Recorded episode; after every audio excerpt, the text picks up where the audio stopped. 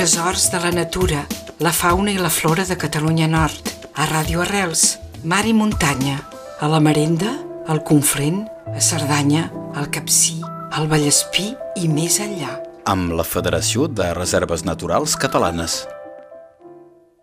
El Parc Natural del Cadí Moixeró fa part d'aquests laboratoris a cel obert dins el projecte Flora Lab. Com heu integrat aquest projecte i què us aporta?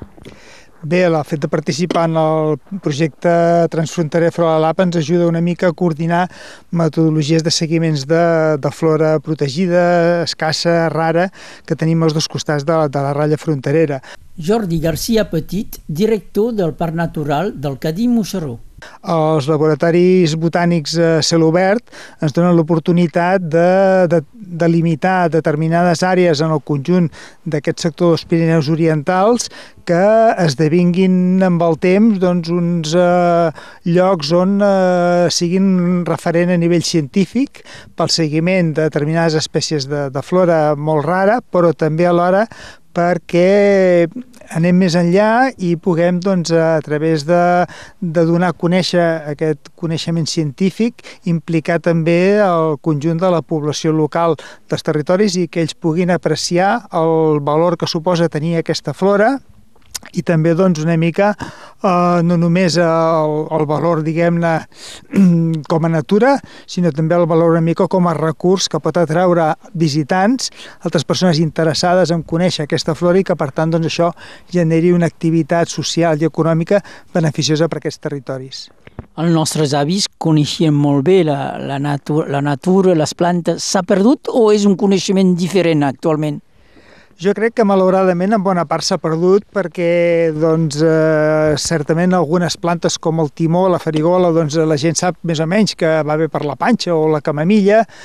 i doncs, la tila va bé pel nervi, però són tres o quatre o cinc plantes les que avui dia conservem aquest coneixement. Eh, però realment això, els nostres avis en sabien moltíssims més, tenien una gran farmàcia al voltant de casa seva i aquest coneixement, doncs, eh, part de la nostra feina és intentar recuperar-la, entrevistar entrevistant doncs, aquestes persones més grans que no deixen ser eh, biblioteques eh, que, que tenim de coneixement i que malauradament a mesura que els anem perdent doncs anem perdent aquests coneixements i tornar-los a posar a l'abast de les noves generacions per tal doncs, de que no es perdin i per tant de que es revaloritzi aquest entorn natural, que aquestes herbes que tenim al voltant, aquestes floretes que la gent doncs, a vegades des del món urbà eh, els anomena despectivament doncs, puguin ser realment doncs, això puguin tenir aquest valor intrínsec que tenen, no només com un element important de qualsevol hàbitat, de qualsevol ecosistema, sinó també una mica egoistament, en el sentit de que moltes d'aquestes plantes tenen un ús que nosaltres ens en podem gaudir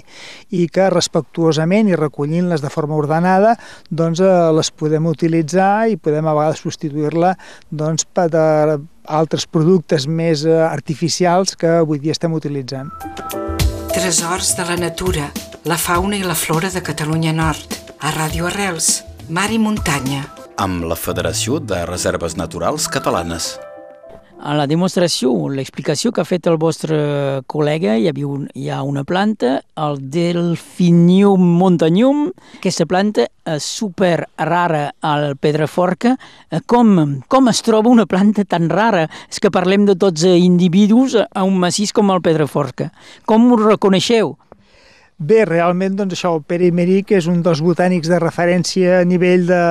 de la part sud de, dels Pirineus i és una persona doncs, que al ser de, de la comarca del Berguedà doncs, es trepitja molt tot aquest sector del Quedi Moixeró, del Pirineu en si, perquè també doncs, fa treballs de prospecció al Parc Natural del Pirineu o al Parc Natural de Capçaleres del Tre i Freser i per tant doncs, aquest coneixement és el que li permet, a base de, de fer moltes cames, de caminar molt, de fer moltes pujades i baixades, doncs eh, ser capaç de detectar doncs, això, qualsevol planta rara que se li pugui posar al davant i per tant doncs, gràcies a la feina que, que ell fa cada any en l'àmbit del Parc Natural del Cadí Moixeró vam ser capaços de detectar primer un exemplar perquè aquesta espècie s'havia identificat l'any 83, després va desaparèixer, no se l'havia tornat a trobar encara que se l'hagués buscat, i fins l'any 2018 en Pere Imeric no torna a trobar un únic exemplar, que l'any 2019 ja són uns quants més i l'any 2020, a mesura que anem ampliant una mica i fem més eh, detallada aquesta exploració, doncs eh,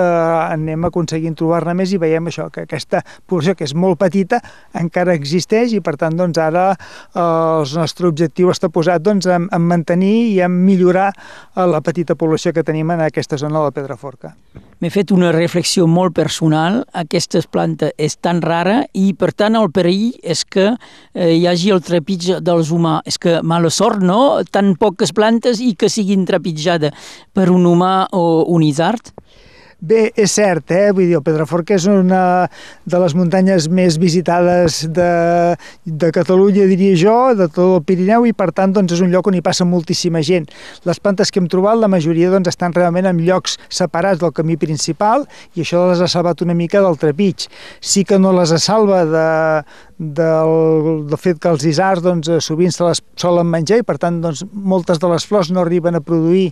llavors perquè els isars se les mengen, però eh, en el Pedrafort que podessi, podria posar això en risc la, la població de delfínium que tenim, però en altres sectors del Cadí, que tenim unes poblacions molt bones d'aquesta planta, hem vist al llarg dels anys d'estudi que encara que els isars es mengin les flors, sempre queda una petita part de llavors al terra que garanteixen la supervivència de l'espècie. Penseu que es pot encara descobrir noves espècies? Sí, sí, encara això, de fet, encara cada dos o tres anys encara podem incorporar en el llistat de flora de, del Parc Natural del Cadí Moixeró doncs, alguna planta nova que té poblacions molt petites perquè és això, la mateixa orografia dels nostres Pirineus i Prepirineu fa que realment doncs, hi hagi molts indrets que encara no hagin estat visitats per botànics especialitzats i per tant doncs, eh, jo crec que encara ens queda un gran camp, no només en l'àmbit del Cadí Moixeró sinó en el conjunt dels Pirineus. I el canvi climàtic pot ser fa canviar la localització, l'ubicació de les espècies? Suposem que sí, que a mig termini, evidentment, doncs igual tenim la, el fet de que alguna espècie desaparegui abans de que la puguem haver detectat, sobretot aquelles que estan més vinculades doncs, al tema de, de geleres, el tema doncs, de, de llocs on grans acumulacions de neu, i en aquí sí que hi ha el perill aquest de que el canvi climàtic faci que, que en un moment determinat les condicions que elles necessiten per poder viure doncs, no es donin ja, es perdin, i a més a més d'això, amb els anys anem incorporant espècies que ara no tenim, que necessiten condicions més més càlides i que, doncs, malauradament, doncs, vagin pujant i, per tant, doncs, eh, la natura no deixa de ser eh, algú canviant, algú molt dinàmic i nosaltres el que hem de fer moltes vegades és eh, prendre testimoni de, de com evoluciona i adoptar en cada moment les mesures per intentar preservar aquells valors que tenim que són doncs, els més eh, escassos i, per tant, els que tenim l'obligació entre tots de mantenir per les generacions futures. Jordi Garcia, moltes gràcies. A vosaltres. Tresors de la natura, la fauna i la flora de Catalunya Nord. A Ràdio Arrels, mar i muntanya. A la Marenda, al Conflent, a Cerdanya, al Capcí, al Vallespí i més enllà. Amb la Federació de Reserves Naturals Catalanes.